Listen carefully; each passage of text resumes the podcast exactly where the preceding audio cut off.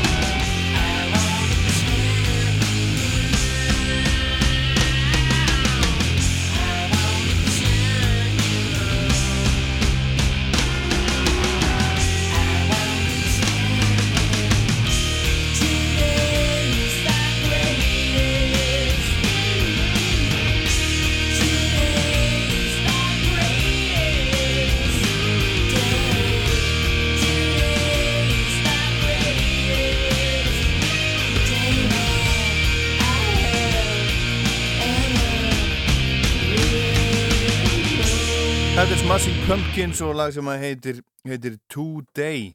Hérna ætla ég að, að lefa ykkur að heyra bara blá byrjun að lagi sem að var að, var að koma út með, með heiðursmönunum Herrar Netusmjör og Björguna Haldórsinni. Þeir eru með þetta hérna saman. Þegar þú blikkar heitir þetta. Þetta er, þetta er svona jóla. Uh, Herrar Netusmjör verður gestur á jólagestum Björgvins í, í, í Hörpu, í Eldborg. En Herrar Netusmjör verður líka á uh, X-Mars tónleikum X-ins núna 7. desember í Bæjarbíói í Hafnarfyrði allur ágóði rennur til frú Ragnæðar og þar verða líka Vintage Caravan sem við heyrðum í hérna áðan þar verða Rock Paper Sisters Eithur Ingi og hans menn þar verða Hipsum Haps og Blóðmör MC Gauti og Dimma sem er akkurat það sem ég ætla að spila hérna næst þetta er nýja lægi með, með Dimmu, fyrsta lægi sem að Egil Öll Rapsson nýja trómar að tróma með þeim. Egil sem að var til dæmis í Sigg. Þetta heitir Þögg þetta smelt passar hérna í Fuss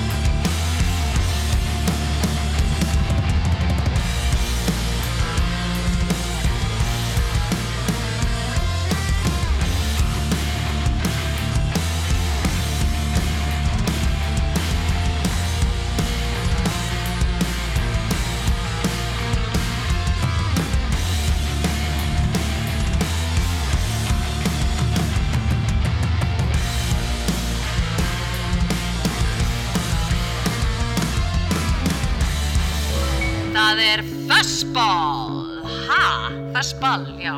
Akkurat, og hérna förum við hálfa öll aftur í tíman. Þetta er á plötu sem var að koma út núna, remixuð í 50 ára aðmælisútgjóðu, 50 ára aðmælisútgjóðu. Rolling Stones, Let It Bleed, einu af þeirra bestu plötum, þetta heitir Monkey Man.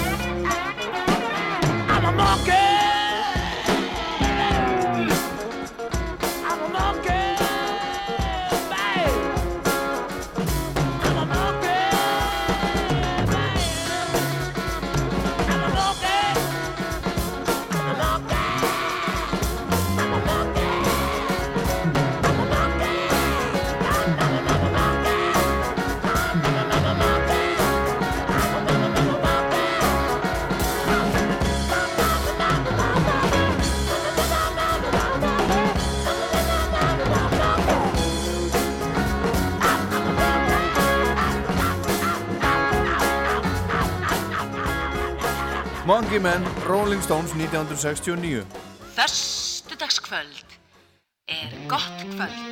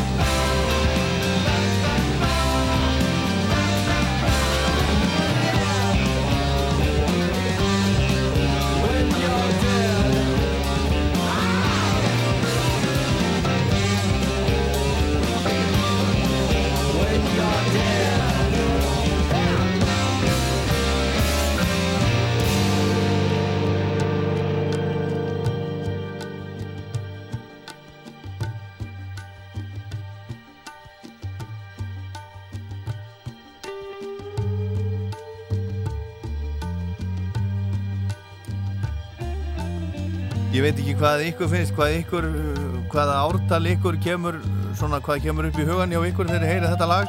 En þetta gæti alveg hafa komið út bara 1970 eða eitthvað svo leis. 71 eins og plata þáttarins, Master of Reality með Black Sabbath. Jafnvel, en þetta kom nú bara út 1996, þetta er á blötu sem að heitir K.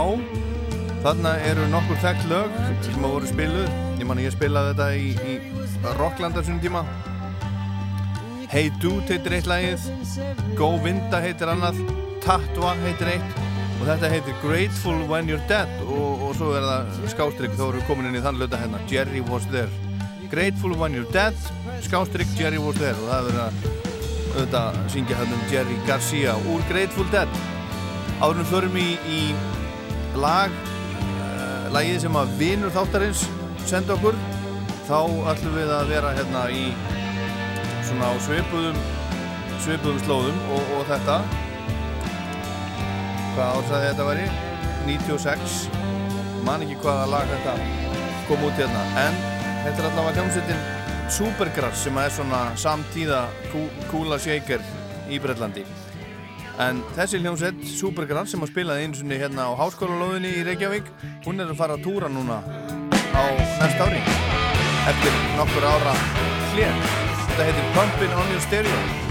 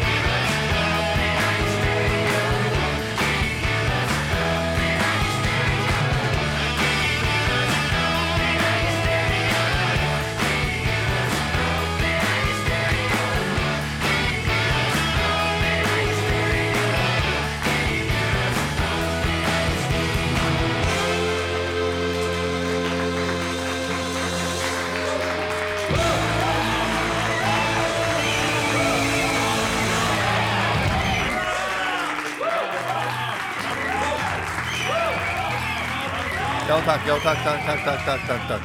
Hérna eftir nokkra mínútur klukkan er alveg verða átta. Ég opna nú yfirleitt fyrir óskalega síman um átta leitið svona. Það verður eitthvað aðeins rétt rúmlega átta. Þannig að vantar núna tvær og hálfa mínútu í, syns mér.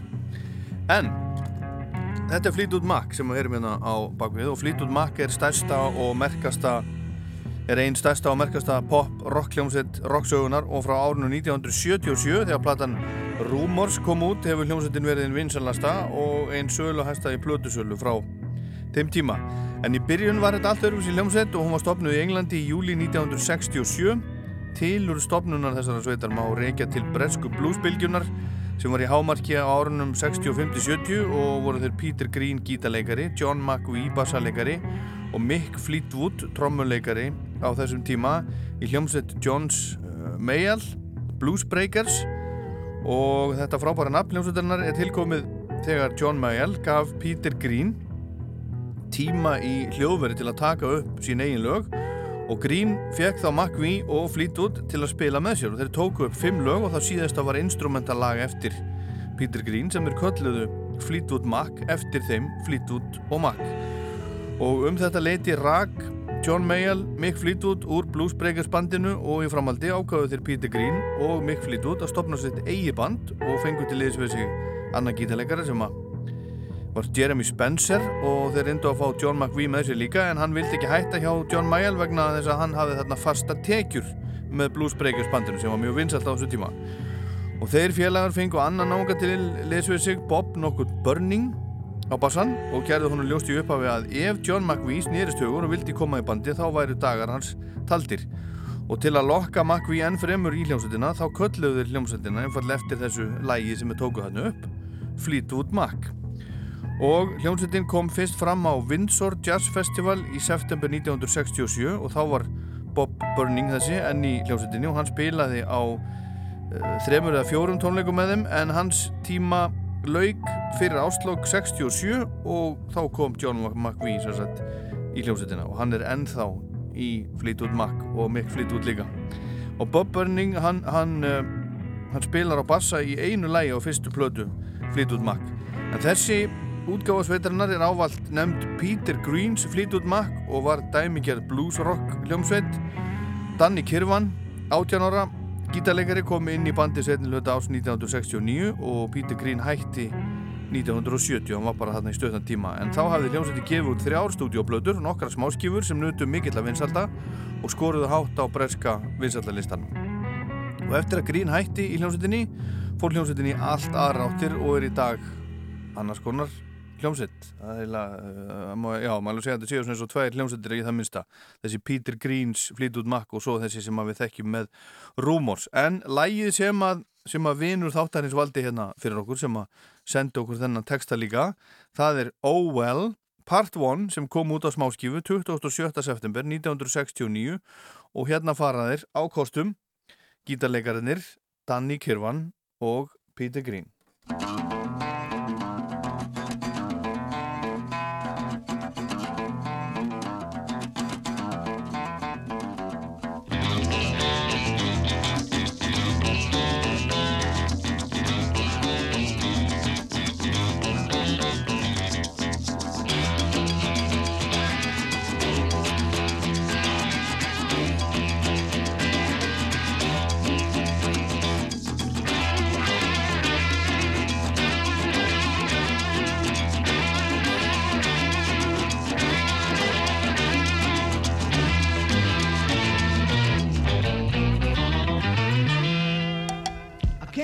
about the shape I'm in. I can't sing, I ain't pretty, and my legs are thin. But don't ask me what I think of you. I might not give the answers that you want me to.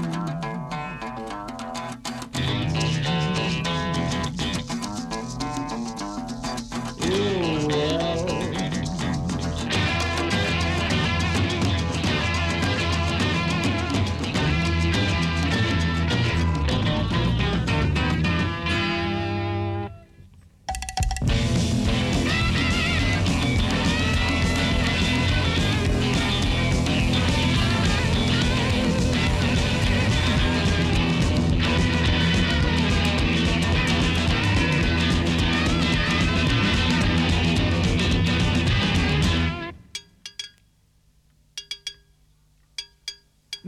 Talked to God, I knew He'd understand. He said, "Stick by me, and I'll be your guiding hand." But don't ask me what I think of you. I might not give the answer that you want me to.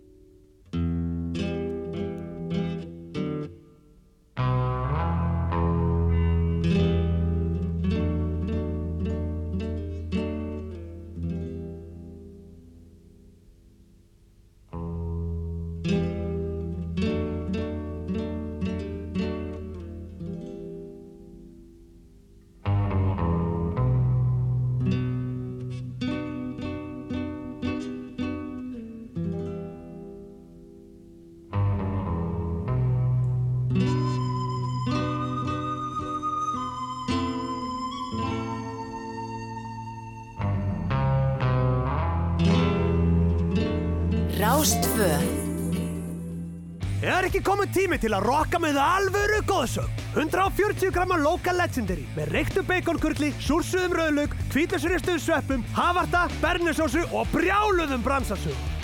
Hard Rock Café. Jólalögin hljóma betur með undirspili. Tónlist er fyrir alla. Hljóðfærahúsið síðumúla 20 og hljóðfærahúsið.is Úlpurnar færðu í haugkaup. Hlýjar og vasseldar XTM úlpur á börn og úlinga 8 til 16 ára. Hannaðar fyrir útivist, fullkomnar í daglega nótkunn. Þú fær XTM vetrarfatnað í haugkaup. Haugkaup. Meira svona. Alla daga. Reykvingingar nær og fjær. Ótrúlega ódýrt eldsniti á dælunum okkar á Sprengisandi og í Kaplakrika. Allandsolja. Likillinn að lægra verði. Vetratilbóð Gló, nærandi fyrir líkam og sál. Indverstaðalskála aðeins 990 krónir í nóvember. Gló. og fylgja frísólgler með keiftum glerjum. Augað, glerana veslum, kringlunni. Veistu hvað ljóminn er ljómandi góður Ljóminn er betr en ég hugsaði mér Hann hefur ljómandi fjörefna fóður sem fullkominn ljómandi fæðanda þér. Ljóminn á skilið það lof sem hann fær. Ljóminn hann verkar frá kvirðlón í tær. Ef ljómann þú bræðir og ljómann þú snæðir Mun ljóminn að eilífu verða þér kær. Black Friday tilbúð hjá Mikkelsen. Föstudag og laugardag. Mikkelsen.is 18% svarenda vill ekkert á laufabröðu sitt. Hvað setja þá hinn 82% á laufabröðið? Spurðu bara ömmu. Ömmu bakstur. Það verða kolsvört og ómótstæðileg tilbúð í gangi, en bara í dag. Komdu strax, Báhás, mikið úrval gæði og lágt verð alltaf. Flísar, flísar, flísar, flísar parki, flísar, flísar, parki Dalvegi. Iljaði þér um hátíðarnar. Jólakaffið fyrir bestu hátíðarstundunar. Te og kaffi. Sælkeraborðið í kringlunni er með ótrúlegt úrval af innlendum og erlendum ostum, sælkera áleggi, salati og fleira. Haugkaup kringlunni. Meira sælkera. Alla daga.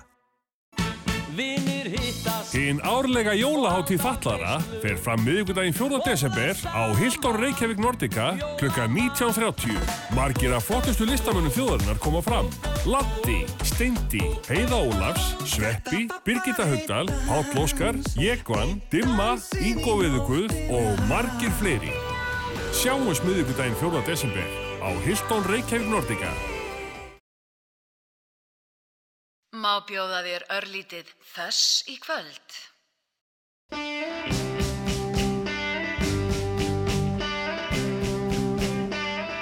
Já, heyrðið það. Má bjóða þér örlítið föss í kvöld.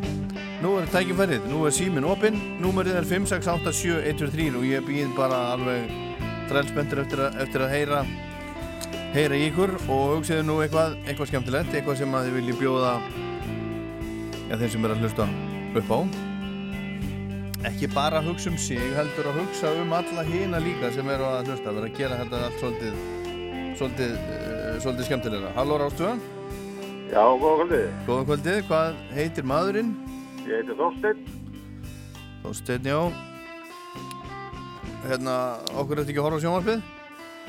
Vegna þess að ég reyna að hlusta á þess. Já, þetta var akkurat það sem ég vildi heyra, en annars er skemmtilegu þáttur í sjónvarpinu núna, það er hérna, hvað heitir hann aftur, hérna, hérna, íslensku þátturinn sem að þau eru með, eh, Bræði Valdimar og Björg. Já, maður fer bara vondið þar, sko. Já, já, það er að horfa það á eftir, sko, það er, það, já, það er hérna Steppi Hilmas og, og Elu Kristjáns er í heimsók og, og Guðrun Gunnars og Gunnar Hansson hérna úr mannlega þættunum á Rás 1. En, bara, maður kíkir bara á það á vondinu. allt í fínasta. Herðu, hvað segir þú Þorsteinn? Hérna, hvaðan er þetta að ringja? Ég er hingið Koppói. Já, og hvað ætlar að bjóða okkur upp á í kvöld? Mér langar til að heyra hérna Dermister Fantasy með Steve Winwood og Eric Clapton Já. og Madison Square Garden kon- koncertunum þar. Já. Það er klassalag. Já, þetta er nú akkurat sko sko þetta er akkurat ástæðan fyrir því að ég opna hérna fyrir, fyrir síman það er náttúrulega gaman að heyri, heyri fólki. Það er nú eitt sko. En þannig ertu til dæmis komið með eitthvað lag sem mér hefði aldrei dottið í huga að spila. Nei, sko, ég hlust, heyrði þetta lag frekka seint? Já, en ég hérna sá Clapton einu sinni út í köpen í Svíþjóð. já. Köp, Köpinn í Svíþjóð? E, nei, Kúpen eða hvað heitir það þetta? Já, já, já, já, já, já þú ert ekki að menna þú ert ekki að sko. menna, þú ert ekki að menna Köpinn Hán. Nei, köp, Nei, það. Köppen eða Já, já, já, já, já, ég, ég þekki það ekki eins og ég hef ekki eins og komið til Svíþjóður, ég var bara að halda kæfti Allavega sá ég Clapton þar í þrjumsustuði en besta comeback hjá Clapton er þegar hann og Winwood voru þessa reysu þarna. Að- Clapton spilaði valdi lög sem Steve Winwood hafði samið og Steve Winwood valdi lög sem Spilað Hvað samið. ár erum við að tala um hana? Þetta er, þetta er svo fljótt að líða maður. Þetta, ég held að þetta sé bara hátt í tíu ár síðan. Átta til tíu ár, eh, átt, átt, átt ár, átt ár. Já, já, En þetta, þetta er algjör snill. herðu, ég, ég, ég finn þetta Ég finn þetta Takk kærlega fyrir að ringja, hafa það gott og hlusta, bless Rástu Halló, Halló, já, hver er þar? uh, Villa? Nei, Villa, ert þú, ert þú nú komin? Er, er, er búið að tengja hjá síman? Já, búið að tengja. Herðu, hvað, hvað segirðu? Ég kom mér svolítið valdi að því ég var hlusta bara. Ég, allt í henni heyrði ég hérna að þú varst nú að spila Fleetwood Mac, þá dætt mér alltaf Men of the World sem er mest fallegsta lag í heimi, sko. Já, En, en svo var ég náttúrulega búin að vera að spá í, sko, Humble Pie. já, Hmm. já, og hvað hva með þeim? Til dæmis bara að seifa sérstuði. Það hefur örgla aldrei. Hmm. Hversu? Að yesterday? as Save as yesterday Já. Ég þekki þetta ekki einu sinni, sko Þú að fara aðeins að Ég þarf aðeins þetta að fara, fara að gera það Já. brók Þetta, þetta Ég hefði haldið það og Já. ég tala nú ekki um Ronny Lane og allt þetta sko sem, sem er sko algjör gullmól þú ert að hlusta á já, já Þetta er nú, þetta nú þínar ær og gýr ef ég þekki þið rétt Jú, Herðu, takk fyrir að ringja og hlusta Yes. Hafa það gott sömuleiðis. Já, bless, bless Rástu Halló Halló Já, er, er einhver á línunni? Já, ég er á línunni, já. Hvað segirðu? Hvað heitirðu?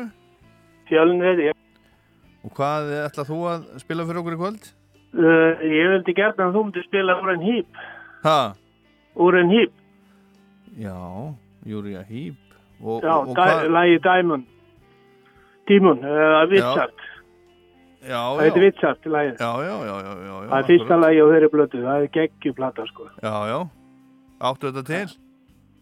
Já, þetta, já, Já, en þú ert náttúrulega með þetta út í bílskur eða ekki í einhverju kassa eða upp á háalofti og, og það sem plötuspilarinn er Nei, nei, Nú. ég er ekki með, með það, sko. Ég er bara með, ég er með þetta og bara geisladisk, sko, Já, í bílnum, en maður spila þetta bara hennar að keira, sko. En áttu, áttu eitthvað að vínil? Nei, ég hef uh, bara, ég gaf þetta, ég, ég er alltaf, ég er aldrei heima, þannig að maður er ekki gagna að hafa heima. er þetta ekki heima? Hvað, Að hvað ég er að út á sjó eða erlendis og flakki fyrir grí og svona, ég er aldrei heima, sko. Nei, nei. Herðu, hafðu það gott, takk fyrir að ringja, ég spila þetta hérna takk. þér. Já, Ok, bless, takk, bless. Rástu, þetta er engin, já, 5687123 er síminn. Halló, Já, já, góð kvöldið. kvöldið, hvað, er maðurinn? Bara fínt, Hilmar í teg. Hilmar, já. Og hvað langar þið að heyra? Spurning með eitthvað íslenskt er ekki? Það er alveg, það er, jú, jú, allt, allt í bóði. Bara ef það er rock. hérna- Já, já, ég var að reyfi upp hérna þessi þungu högg hérna núna í vikunni. Já, með sálinni. Sjónsmis, já. Það var eitt býstna skemmtilegt, þetta óður, heitir það. Já, það passar alveg hérna, sko. Ef ég Það mann man það rétt. Já, já, Ha, hvað, 92? Þetta er rock á- í þessari blödu? Já, já, hann á geisladisk en, en svo þegar ég ætla að spila hana þá kemur nú reyndar eitthvað barna barna hérna lög sko Á það diskinu? Já, Hvernig stendur á því? ég, það, þetta er bara eitthvað ruglast í Já, það er bara vittlust diskur í hulstinu. Já, já, og með þessi áprentaður allt sko Nú stendur Sálina Sjónsmís á honum. Já, já Er það? Þennan verður að Já. passa vegna þess að þetta gæti orðið rarity sko í framtíðinni, eitthvað sem að selst fyrir fullt af peningum. Það er oft svona Já. gallaðar plötur verða svona, þetta er svona eins og með göllu frímerki. Já, já, Þetta verður að verðmætt sko. já Það get, Þetta er getur verið þetta. allavega svona útlenska plötur. Ef þú ættir, ef þú ættir galla þetta bítlaplötu til dæmis, eitthvað svona, sem að hefur eitthvað uh, misfarist að framleiða einhvern tíman í gamla daga, þá verður þetta kannski eitthvað sem kostaði fullt af peningum.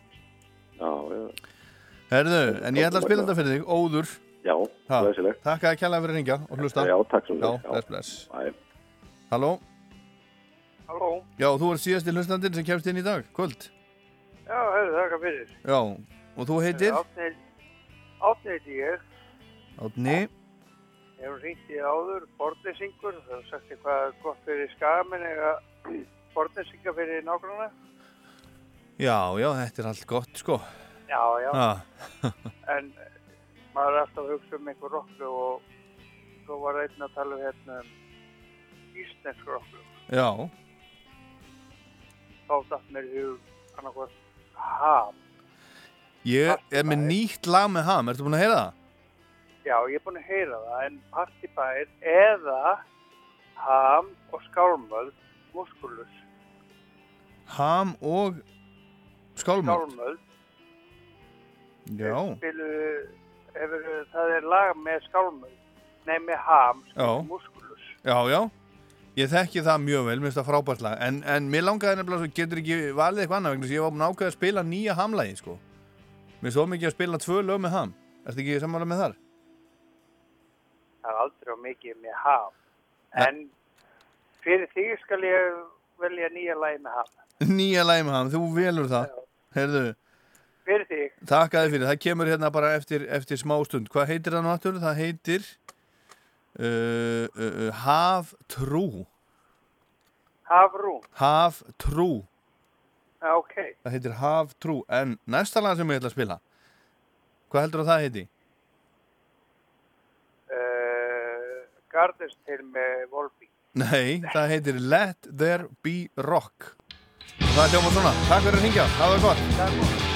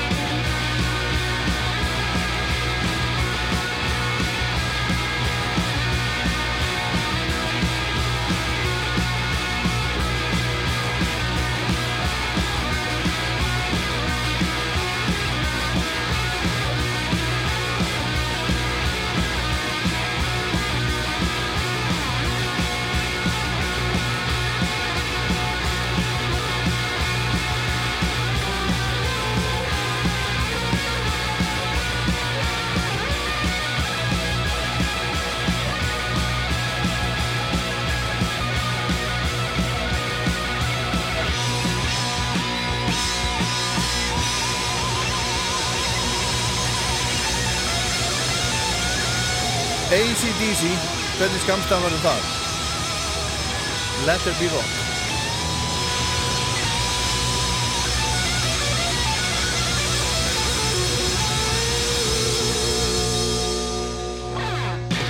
Það er fossball í kvöld.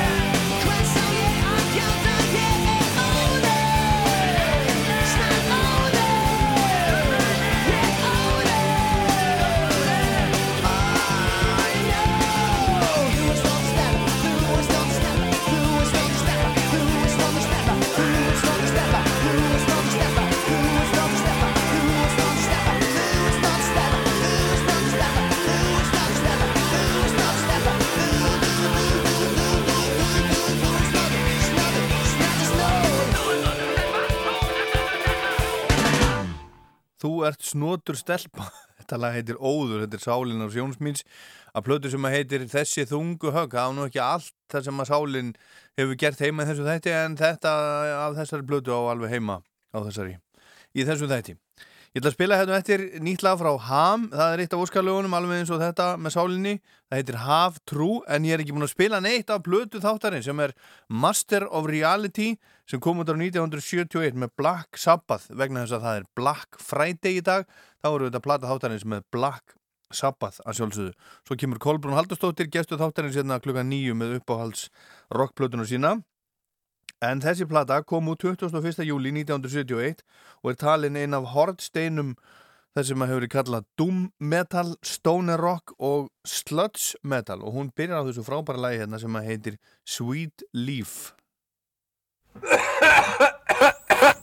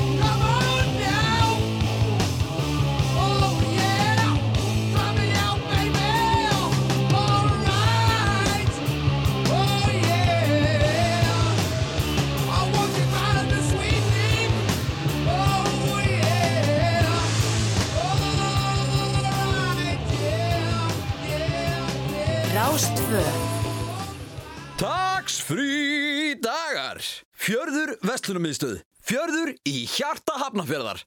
Hvað er aftur þarna í skipholti? Já, tónastöðin.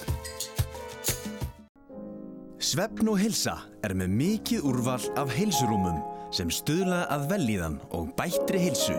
Svefn og hilsa. Jólalagakeppni Rásar 2 sem er í fullum gangi. Við tökum við lögum til 1. desember næstkomandi. Skuttlaðu læginu þínu með íslenskum texta í keppnina og þú getur heft glæsilega vinninga og unnið Jólalagakeppni Rásar 2 árið 2019. Nánar upplýsingar á rúf.is, Rás 2, fyrst og fremst. Bjóðum bræðlaugunum í ævintýralegt sleðaferðalag. Matarævintýrið hefst við borðið þitt á fiskfélaginu við Grófartorgi Reykjavík. Í Tölvutek er eitt mesta úrval landsins af öllu fyrir tölvuna. Tölvutek mörkinni og undir hlýð Akureyri. Gourmet óskaskrín fyrir sælkeran í þínu lífi. Óskaskrín fæst í vestlunum Pennans Eymundsson, Hagkaups og á óskaskrín.is. Óskaskrín. Upplifun í öskju. Opið allan sólarhingin í Netto Granda og Netto Mjótt. Netto. Lægra verð, léttari innkaup. Black Friday veisla húsgagnahallarinnar er nú í fullu fjöri. 25% afsláttur af öllum vörum auk ótrúlegra tilbúða. Stemmingin er til tíu í kvöld. Komdu og gerðu stór góð kaup. Húsgagnahallin Reykjavík, Akureyri og Ísafyrði. Gæða glerugu á góðu verði. Æsland glerugnaverslun, Granda og Glæsibæ. Undirbúningur jólana hefst á pixel.is. 15% afsláttur til 1. desember. Jólakort, dagatöl og ljósmyndabækur. Pixel.is. Frábært tilbúð á gulum laugardegi. Potturinn stefnir í 60 miljónir. Lotto. Leikurinn okkar. Nú er það svart. Í dag er Black Friday veisla í Dorma. Allar vörur með 25% afslætti og fullt af öðrum svörtum tilbúðum. Opið til 10 í kvöld. Ekki missa af þessu. Dorma. Holtagörðum, Akureyri, Ísafyrði og Smáratorgi. Alliða veisluþjónusta. Soho.is Gefðu jólagjöf sem kýtlar bræðlugana. Sælkera ostakarfa frá mjölkusamsulni er ljúfeng gjöf sem gleður. ms.is Ef þú átt bara eitt símtal í dag, heyrðu þá í okkur. Átján átján, já er svarið. Skoðaðu úrvalið í netverslun okkar. vaffs.is Verkfærasalan Já, fussesvei, já, fussesvei, nú hef ég fengið nóg.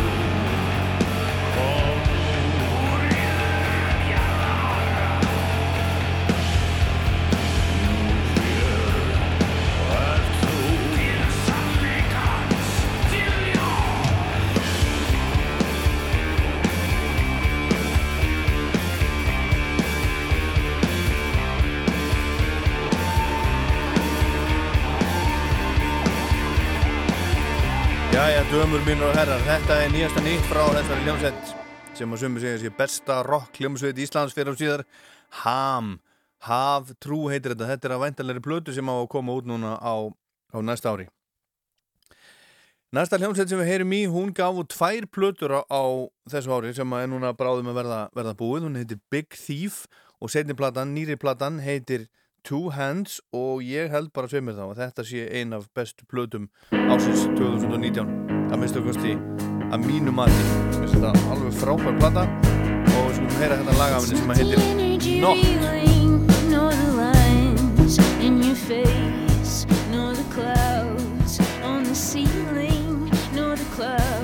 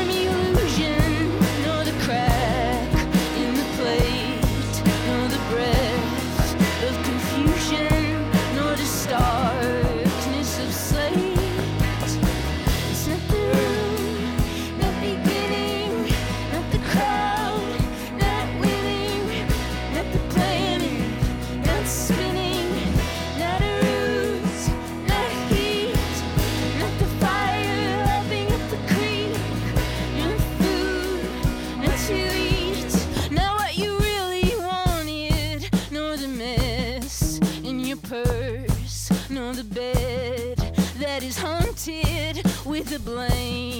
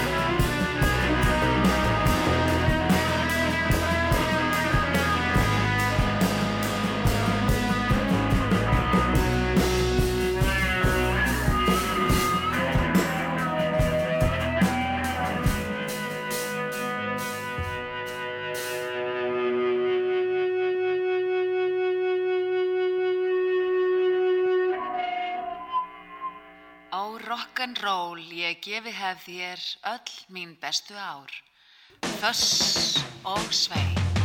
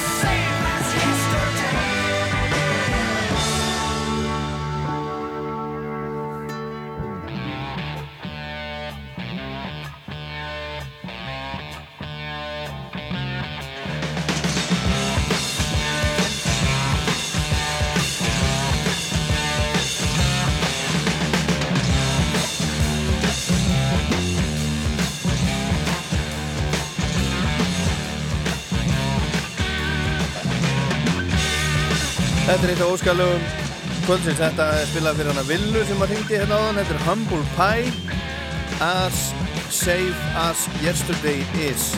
Titilag blötu sem að koma út 1969.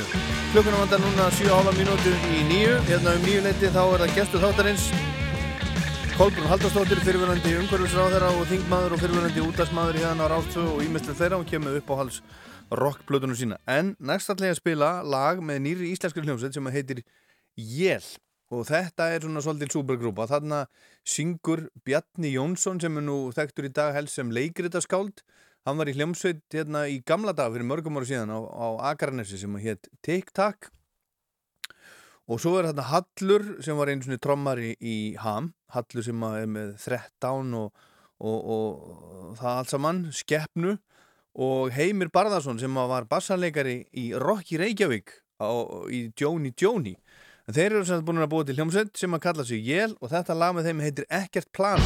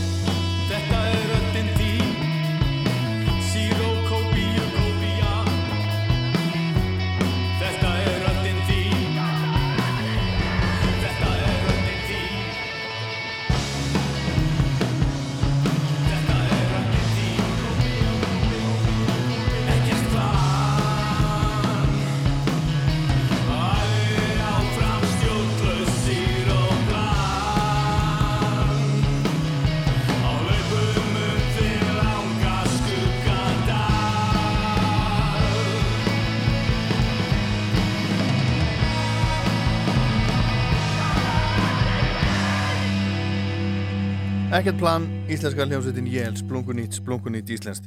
En þá er komið að lægi, aftur öðru lægi af, af plötu þáttarins sem er platan Master of Reality með Black Sabbath í tilipnað því að sjálfsögða það er Black Friday í dag, svartur föstundagur.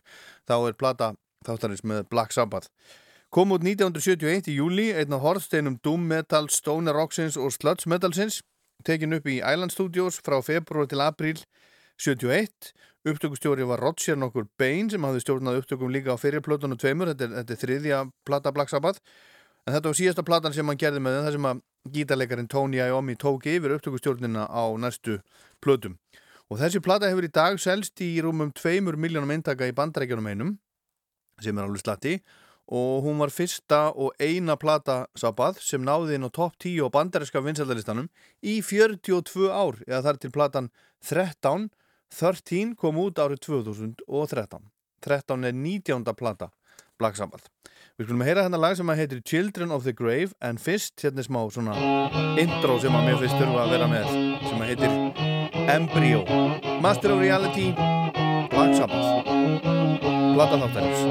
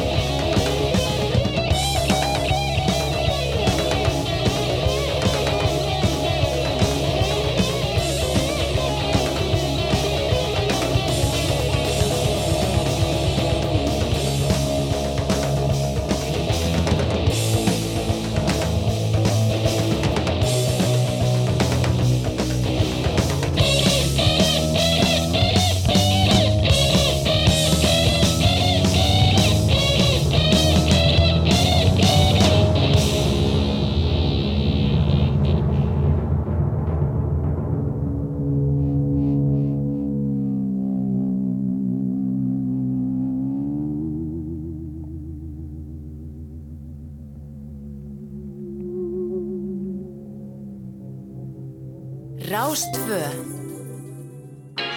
Ertu búin að prófa vöruleitina á já.is? Allar íslenskara vefverslanir og þúsundir vöruflokka. Já er svarið. Vetratilbóð Gló, nærandi fyrir líkam og sál. Innverstaðalskála aðeins 990 krónir í nóvember. Gló. Ekki missa af episku meistaraverki Martin Scorsese.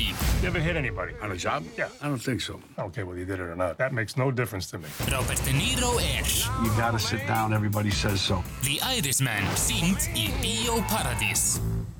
Ljóminn á skilið það lof sem hann fær Ljóminn hann verkar frá kvirlaðan í tær Ef ljómann þú bræðir og ljómann þú snæðir Mun ljóminn að eilífu verða þér kær Viltu læra að setja upp vefsíðu? Próment býður upp á frábært námskeið í vefsíðugerð. Kostur á fjarnámi, einfaldar málið.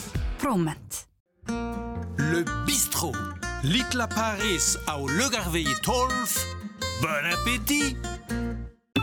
Ánægðustu viðskiptavinnir í net og símaþjónustu eru hjá Hrindu.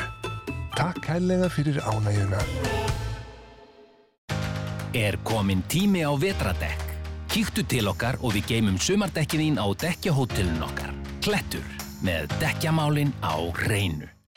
Allt fyrir aðventuna. Aðventan er gleðileg í garðheimum. Black Friday. Allar vöru með 25% afslætti. Nú er tækifærið. Betra bak. Leggur grunn að góðum degi.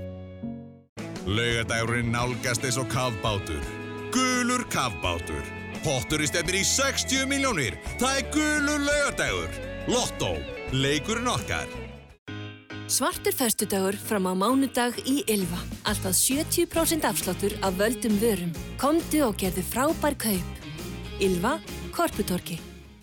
Tveir fyrir einn af öllum vörum. Regatta, fiskislóð 16. Er nágranninn með blikkandi jólaljós í glugganum? Þartu knús? Ekkert ves í des. Krónan. Reykjavík ætlar að vera orðin kólefnis hlutlaus fyrir 2040. Hvernig förum við að því? Send okkur þínar hugmyndir á reykjavík.is skástrygg lofslagsmál fyrir 8. desember. Reykjavík og borg. Jólaborgarinn á Grill 66 er reyndýraborgari með sveppum, sinnepsmæjó og pikluðum rauðlaug. Grill 66. Við erum á Ólís. Þess er best. Ískall. Þetta er þátturinn Föss og gestu þáttarins er kominn, Kolbrun Haldarsdóttir sem að er, já, já hvað, hvað ertu eiginlega? Þú ert, þú ert leikstjóri og þú ert útvaðsmaður, á maður að segja fyrirverandi útvaðsmaður, fyrirverandi ráðherra, þingmaður. Ég er fyrirverandi rosalega margt. Fyrirverandi rosa margt. Fyrirverandi fórseti bandalags listamanna. Já, en, en núverandi? Um, ég veit eiginlega ekki hvað ég segja. Viðburðarstjóri lífveldisins kannski. Viðburðar, það er nú ekkert, það er ekkert smá, það er bara eins og, eins og hérna, Göbbel, svo ekki? Nefna það? Já, hann var áráðsmistari. Já, en ég það ekki. Nei, þú ert ekki, nei, ekki nei. því. Ég er hins vegar hefur verið að sjá um svona, svona, svona partí sem hald fyrir því ofnbæra. Ég sá um fullveldistægin fyrsta DS og Já.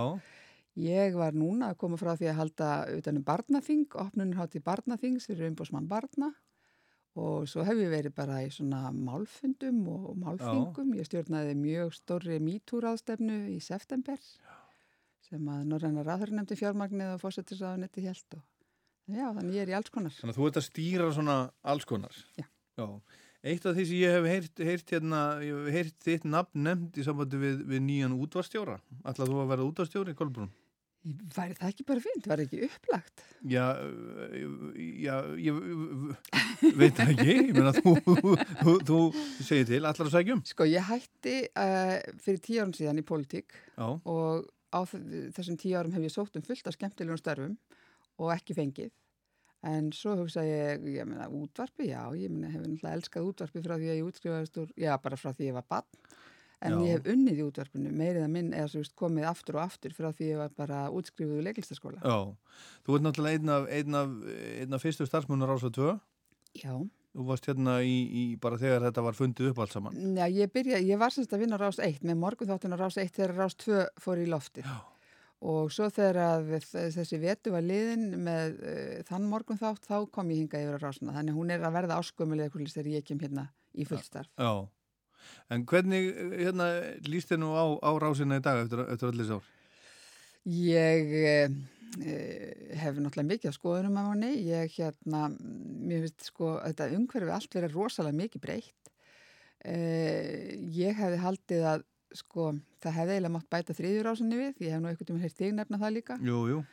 Eh, það er, en svo kemur þetta Spotify inn, skilur það sem fólk getur bara búið til sína eigin playlista og þá er kannski minni þörf fyrir einhverja svona músikrás sem að mér hefur alltaf fundið svo mikilsvirði. Já, en það er náttúrulega kannski sko, sko já, ég er alveg, ég er alveg harður á því að það vantar ennþá rás þrjú.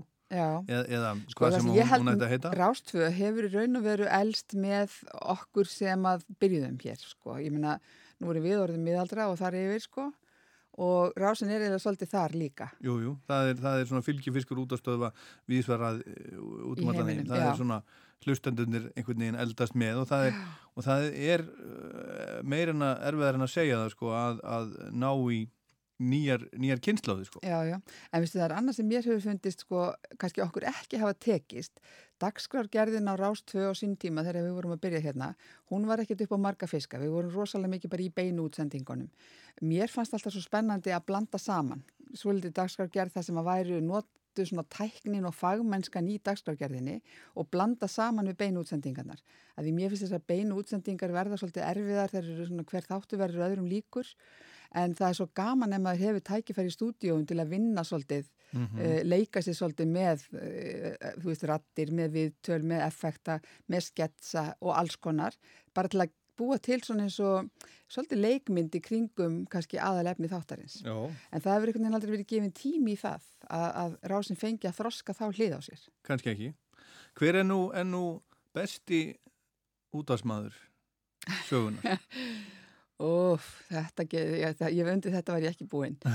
Sko, það er náttúrulega rattir alveg úr sko barnæskunni sem að koma upp í hugan, ég meina Jón Múli og Jóhannes Arason og, og uh, Gerðurki Bjarklind og svona þessar, uh, þessir þulir, uh, hérna Ragnhjóður Ásta Pétusdóttir og þetta er nú svona fólki sem að, þú veist, rattirna sem að er ólst upp við. Já, já. Um, sko, ég besti útásmaðurinn ég eiginlega þurfti að grafa lengra heldur en minni mitt næri eiginlega til að svara þess að já, viti. Já, ég hérna seg, segi stundur sko, tveir mestu töffara sem ég hef hitt eru Neil Young og Jón Múli. Já, Jón Múli var náttúrulega bara mjög sérstakur og það er mjög auðvelt að segja já, Jón Múli. Já. En ég meina, ég get líka sagt Þorsteinn Jörg Steffensen Já, og uh, ég get ég vel sagt Svavar Gess. já, já, Uh, já. Já, já. En mér langar að nefna konu en ég, ég, ég, þá frýs eitthvað, ég man ekki, voru þær kannski ekki? Jú, jú, jú, jú. Það voru náttúrulega, náttúrulega sko, sko þekktustu ratti sögunar eru náttúrulega, þú veist, eins og Gerður og, og, og Ragnhjóður Ásta. Já, já. Svo stóru uh, þulur. Já, já, þetta eru Já, konu já. sem að maður mann eftir sko þegar maður En- sá þeir í fyrsta sinn þá passaði andlitið ekki við röttina því maður átti ykkur að mynd í Já, hugunum já, þeim. það er einmitt, einmitt, ég kannast við það. Ég man eftir því þegar ég kom inn inn fyrst þegar ég, þegar ég sá Ragnhjóð Ásta og gerði tala, mér fannst það mjög. Og, hérna.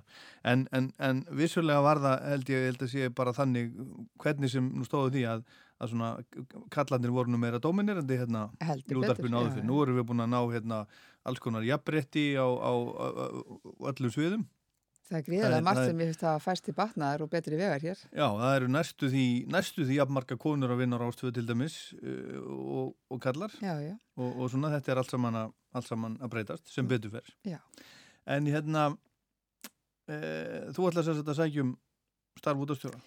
Ég er með það í, já, í bígerð, ég ætla að hugsa mjög alvarlega um það. Ég er ekki búin að senda inn um svo. Nei, ok. Ætlar að hvetja mig? Já, já, ég hvet, ég hvet allt gott fólk til þess að sækja um það starf. Nákvæmlega. Herðu, hérna, þú komst með, með, með blödu, uppáhalds rockblöduna, heyrum að henni hérna eftir, en ég með eina brellu spurningu hérna fyrst. Ef þú hefði nú ekki komið þessa blödu, hvað hefur þú til dæmis komið þá? Er auðsvarað. Efst á listanum, af þeim sem ég ekki kom með, Mhm. var Lene Lovitch. Lene Lovitch, Já. Og það var nú sönguna sem var nú kannski ekki rosalega fræg, en hún gerði tvær plötur sem ég hlustaði á alveg rosalega mikið og lengi og svo langar mér bara að þakka þið fyrir að hafa bóðið mér upp á þetta, kom í þáttinn, því að ég er búin að vera að rifja þessar plötur upp Já. Og hef haft mjög gaman að því og Lene Lovitch, eins og ég segi, ég er búin að hlusta hana núna í marga daga, halvfrá því þú ringdir, en það náttúrulega voru marg, mörg önnur bönd sem ég hlustaði á í leiðinni Já, já.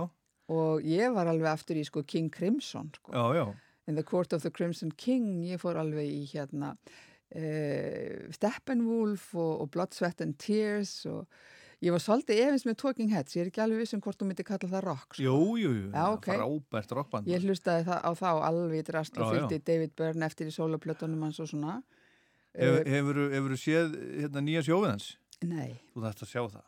Er Hann spilaði á? Róaskeldu hitti fyrra. Já, þú getur auðvitað fundið þetta á, á, YouTube. Það var svo flott og, og því að þú varst nú svona leikúskona þú veist hvernig er á, á, á, á tónleikasviði, það er allt fullt af einhverju dóti, snúrum og drasli.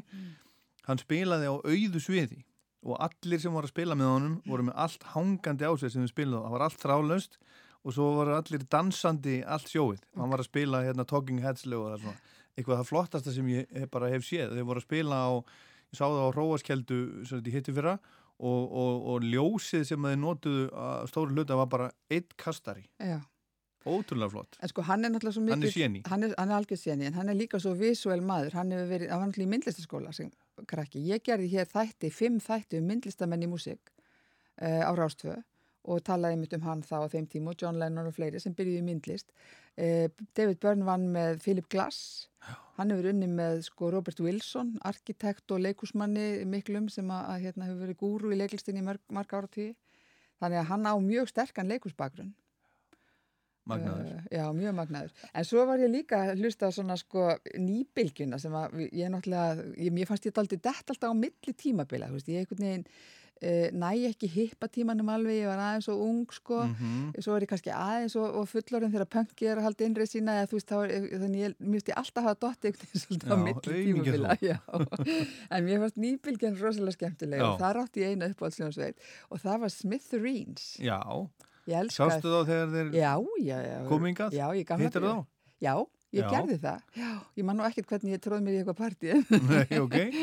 En það var voða gaman. Þeir, mér varst þeir æðislega. Ef ekki heyra bara eitt lag með Smith áður en höldum áfram. Ó, það Hvað, hvað ef, ef að taka?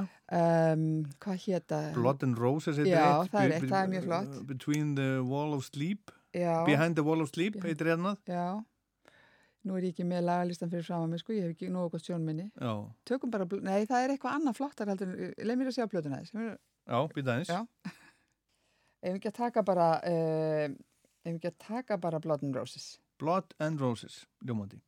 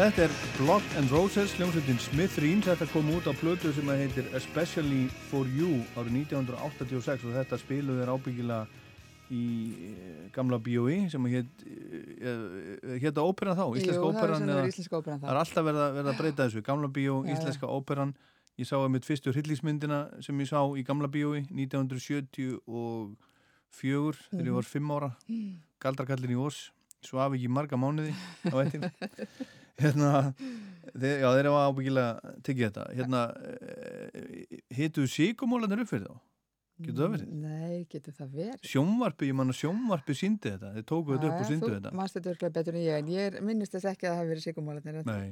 ég man bara, mér fannst Smithurins æðisleir og bassalegarinn alveg geggjasætur ég man til því uh, já, þetta var bara skemmtilegi tónleikar Já. En gestu þáttarins er, er Kolbrún Haldarsdóttir uh, hvað það eru, skemmtarnarstjóri hins ofinbera Ég veit ekki, eitthvað svoleiðis. og uh, þá er það platan sem, að, sem að þú komst með. Já, hún, sko. hún heitir? Hún heitir Unbehagen. Umbehagen og er önnur plata Nínu Hagen. Og hljómsveitirna hennar sem hún spilaði með þarna á þessum hátindi fræðar sinnar sem er rétt fyrir 1980 og upp og upp úr 1980 Unbehagen kemur út 79 þá er ég bara nýjútskrifuð leikona Já. Og uh, er svona um, á milli vita í músikinni sko og, en það voru svo rosalega kraftmikli hluti fannst mér í gangi Já. og þetta power í nínu það, það einhvern veginn náði mér alveg Já, talaður þýsku? mm, Já, ég lærið mér þýsku í tvö ár sko Já. ekki, já, já, ég get nú alveg svona stö, uh, bjarga mér í þýsku Hún er náttúrulega þýsk En, en hvað var það sem að, sem að svona heitlaði við þessa, þessa, þessa konu? Því að hún, hún hrætti nú marga Já, það sem ég held að hafi heilla mig er og ég sé það eftir á að hún er náttúrulega leikona þegar hún byrjar.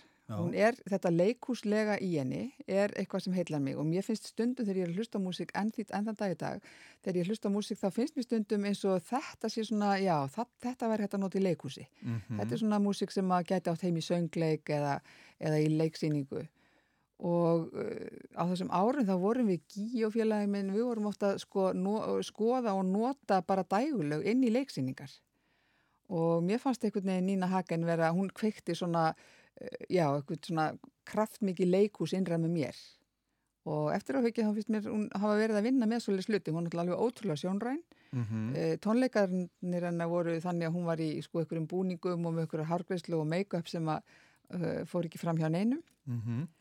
Uh, ég með, já, það var ekki mikið af svona konu með, með appisinu gullt hár þá, eða raukt, svona eldraukt lita hár. Nei, nei. og svo var hún svona svolítið, svolítið mjög vilt til augnana já, og, og svona frjálsleg bera ofanstundum og svona. Já, já, og í svona einhverjum punk fötum, ég meina hún er svona neta dræsum einhverjum og leðri og já, já, mér fannst hún alveg rosalega Hún var svona frískandi. punk drottning. Já, hún var, var, var uh, það var, það sem, að- það var þannig sem, sem var talað um hana. Náttúrulega fyrsta platanar kemur út 1978 Já. og, og þessi plata Umbehagen 79, ég hlustaði nú ekki mikið á þetta ég man bara eftir þessum umslögum en ég man eftir, það hefur ábyggilega verið ábyggilega heyrt á rástöðu það er, þetta fyrsta lægi sem ég man eftir að hafa heyrt með henni það er og, og, og, ég kveikti svo stert af því vegna sem ég búin að heyra það með, Sex Pistols hún tók, hún svona, var svona svipu út, útsetning af My Way eins og, eins og Sex Pistols já, einmitt, var með. Já, en hún gerði þetta mikið, hún tók mikið, hún samt ekki sjálf mikið, en hún var að taka lög eftir aðra, hún tók sko slagara sem hún hafi heyrt svona, svona 60 slagara í bara útvarpinu sem stelpa og gerði úr þeim svona punk rock uh, lög. Uh Uh, eitt af lögun sem ég langaði að velja og gerði ekki heitir hérna Wenn ich ein Junge ver sem var sko bara einhver ítölsk svona tán, táningastjarnar sko tíu árum yngri en hún hafði sungið, veist, í þýska útvarpinu já, já. Uh, hún pönkaði það allt upp hún tók, uh, sko lægi sem ég valdi, sem ég vildi endilega við spiluðum, Mhm. það er nefnilega lag sem að Leni Lovitz sem ég nefndi á þann bjóð til, samdi og gerði frægt það lag heitir sko upp, í upphaflegri útgáfu Lucky Number Mhm. Og Lena Lovitz eins og ég segi kom því eitthvað inn á lista og svona. En Nína Hagen tók það og gerði sína útgáfu að því og það heitir í hennar útgáfu Wir leben immer noch. Wir leben immer noch? Já. og hvað þýðir það? Það Já, bara lucky number? Nei, af því að það er við, við leben immer, við, við eh, erum ennþá til svona nokkurn veginn. Já, ef að heyra þetta? Gerum það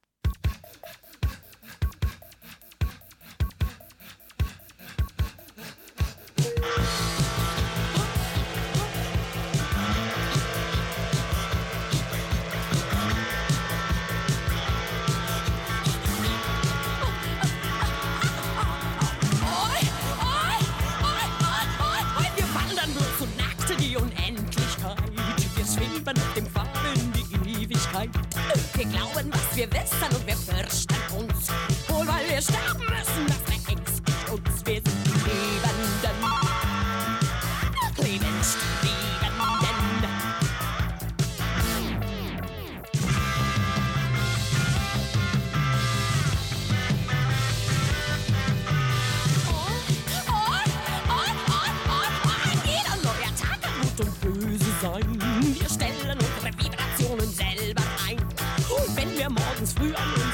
Ende denken, dann kann uns dieses Wissen durch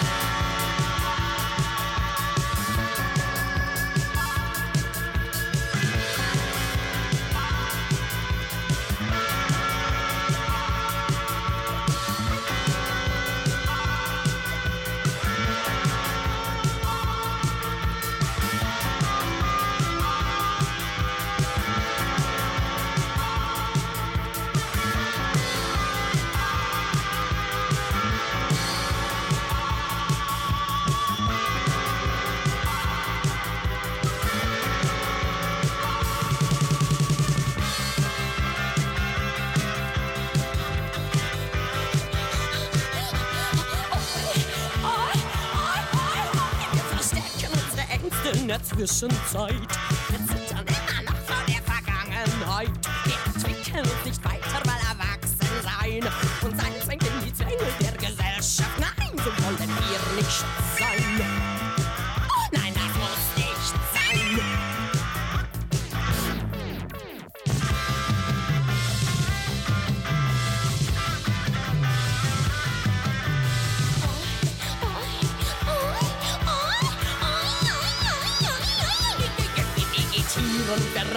durch die Lebenszeit. Wir verblassen, verpassen die Gelegenheit. Wir haben keine Zeit, wir tun uns selber leid. Wir vegetieren, wir rasen durch die Lebenszeit.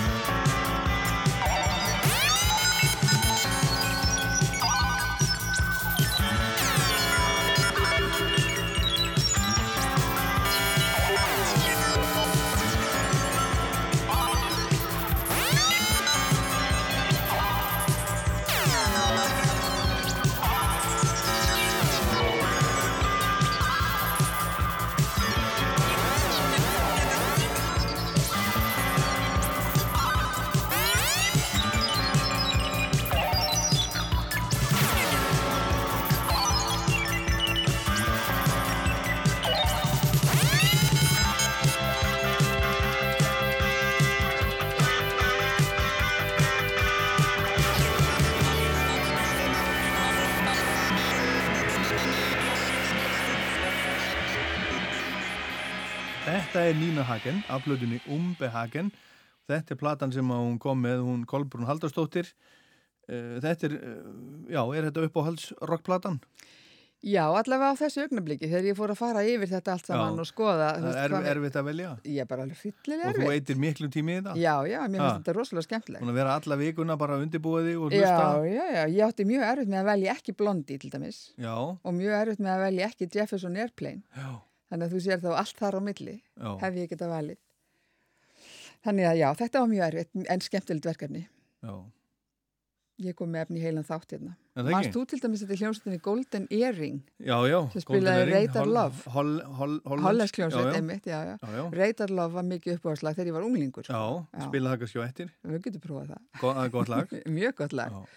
Og svo var nú Roxy Music miklu uppáldi hjá mér, en Já. mér varst þeir kannski ekki alveg passi í þáttin hjá þér heldur. Ég, Já, það er nú, já, þetta, þetta er svolítið svona, sko, jú, já, þetta er svolítið vítt og breytt, sko. Maður, það er svolítið erfitt að setja alveg ramman utan þetta, hvað er Já. rock. En þetta er náttúrulega rock þáttur og, og heitin heitir Fuss, þannig þetta er svona ramaskítar og, og svolítið Fuss og svona. En kannski valdi ég Nínu Hagen líka vegna að ég hef nú hlustað á þig nokkur sinnum svona í útdarfinu og, og mér finnst stundum að þú sniðgangi stelpunar aðeins.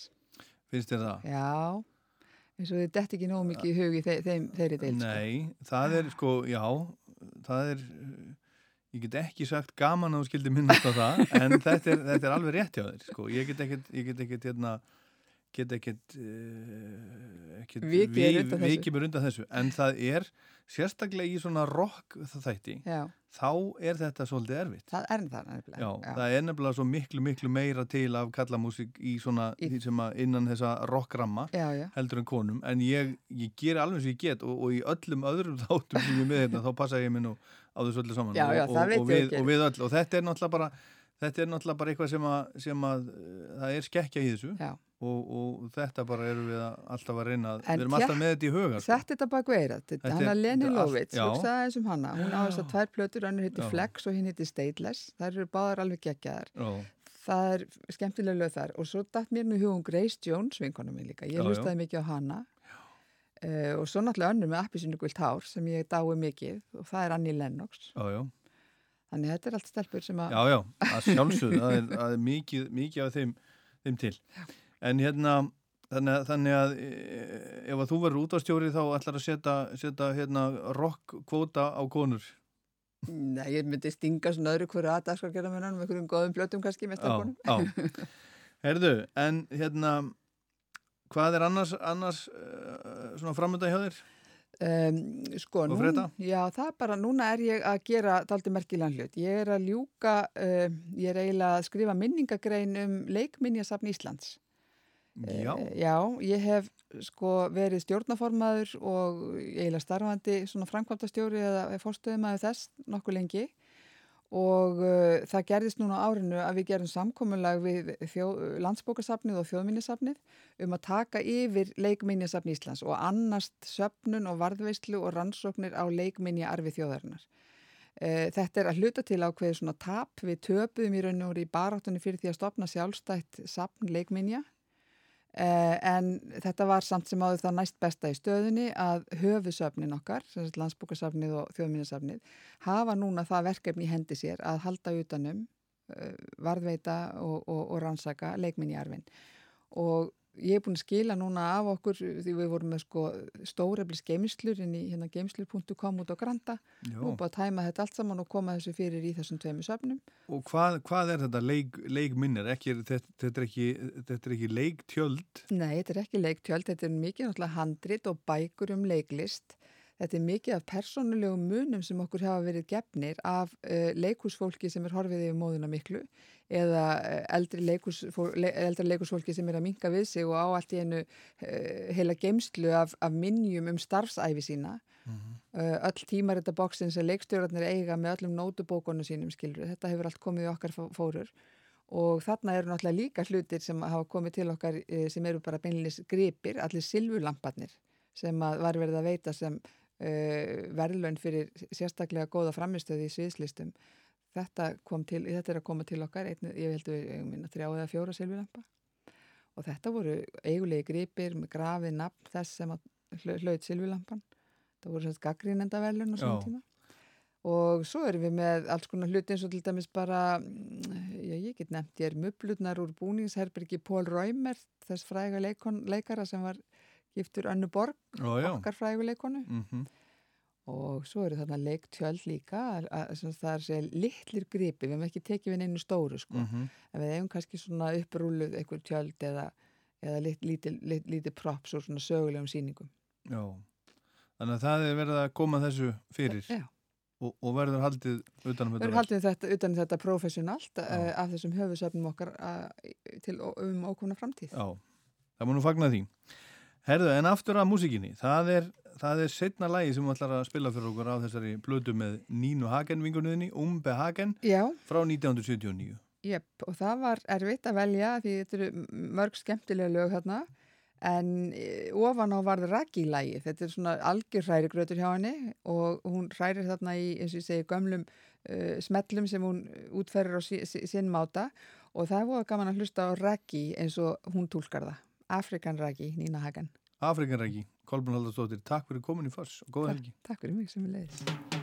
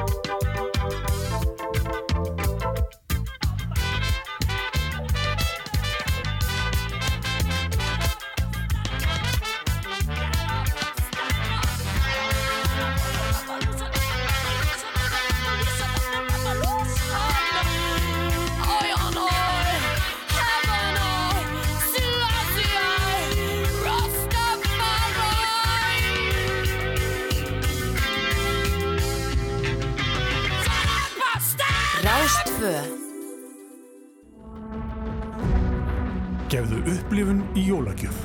Gjafabref frá Reykjavík Escape. reykjavíkescape.is Ofur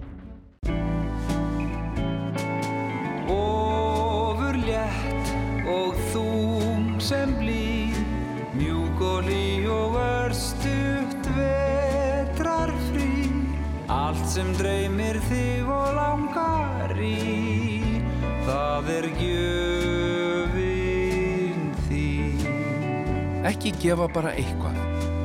Gefðu frekar hvað sem er. Gjafakort landsbankans.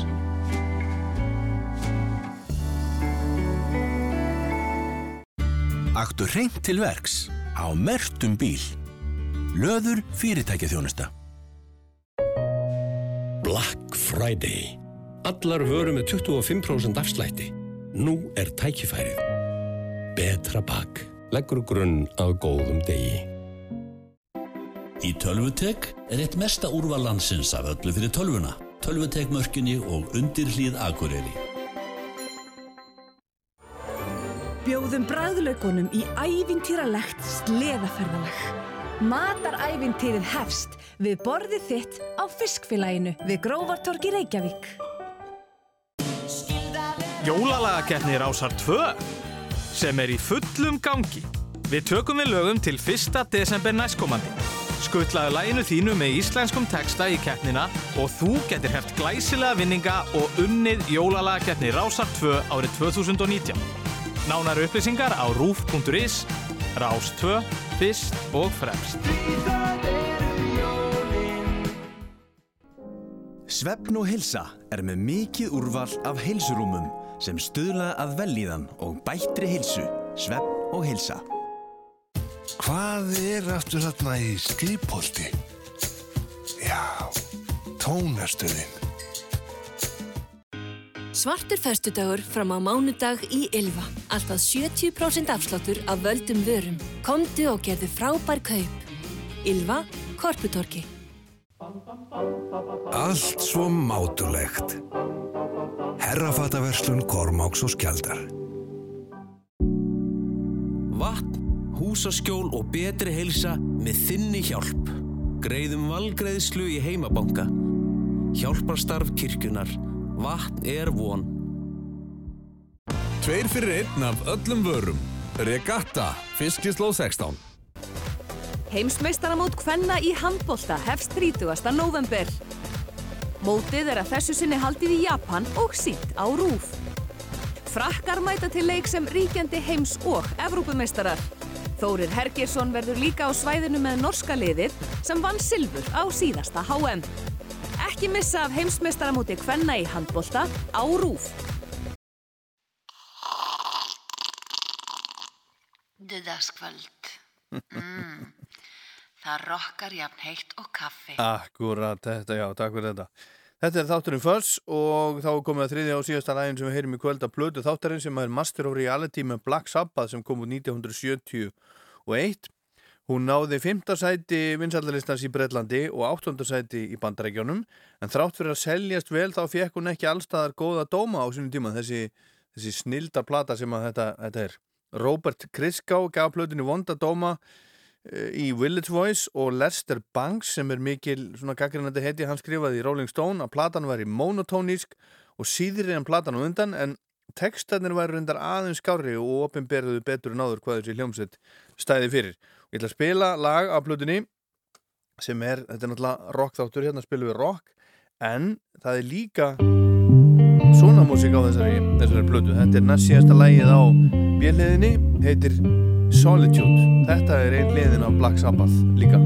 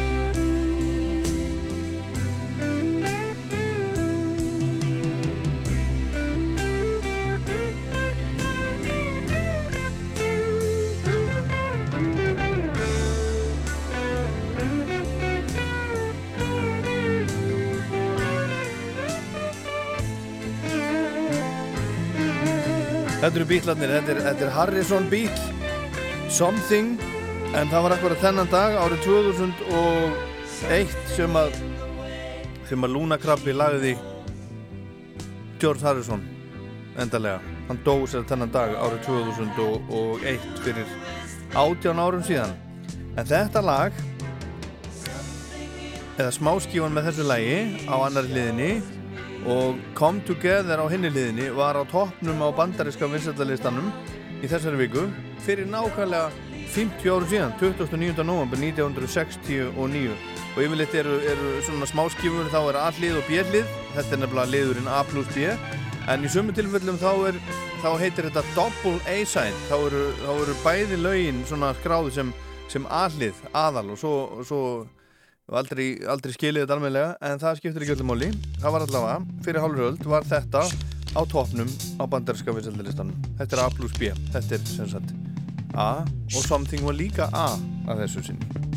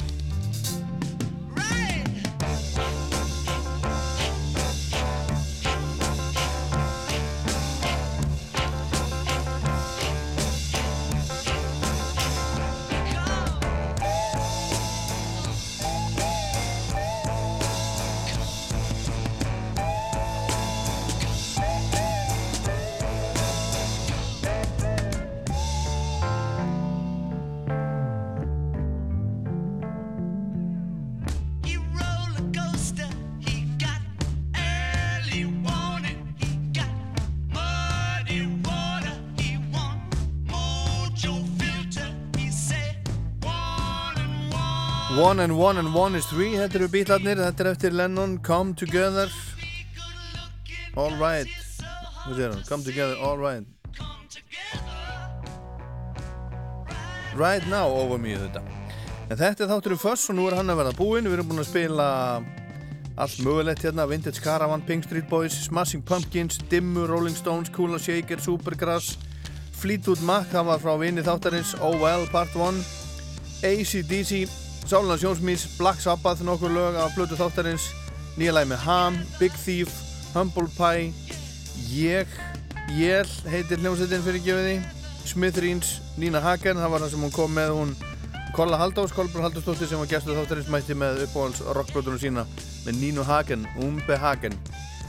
Og svo var það bítlarnir og það er bara eitt lag eftir. Og ég vona að þetta sé rétt þetta er eitt af óskarlugum óskarlugum þáttarins. Þetta er, er uh, Stephen Wood. Hann uh, Þorstein hringdi hérna á hann og vildi heyra Dear Mr. Fantasy með Stevie Wonder og Eric Clapton. Ég held að þetta sé öruglega, öruglega af því þetta er af blödu sem heitir Winwood Greatest Hits Live. Ég vona allavega að sé þetta. Síðasta lægið í Fuss í kvöld á þessum svarta föstu degi ég er Dólar Páll, takk fyrir að hlusta og góða helgi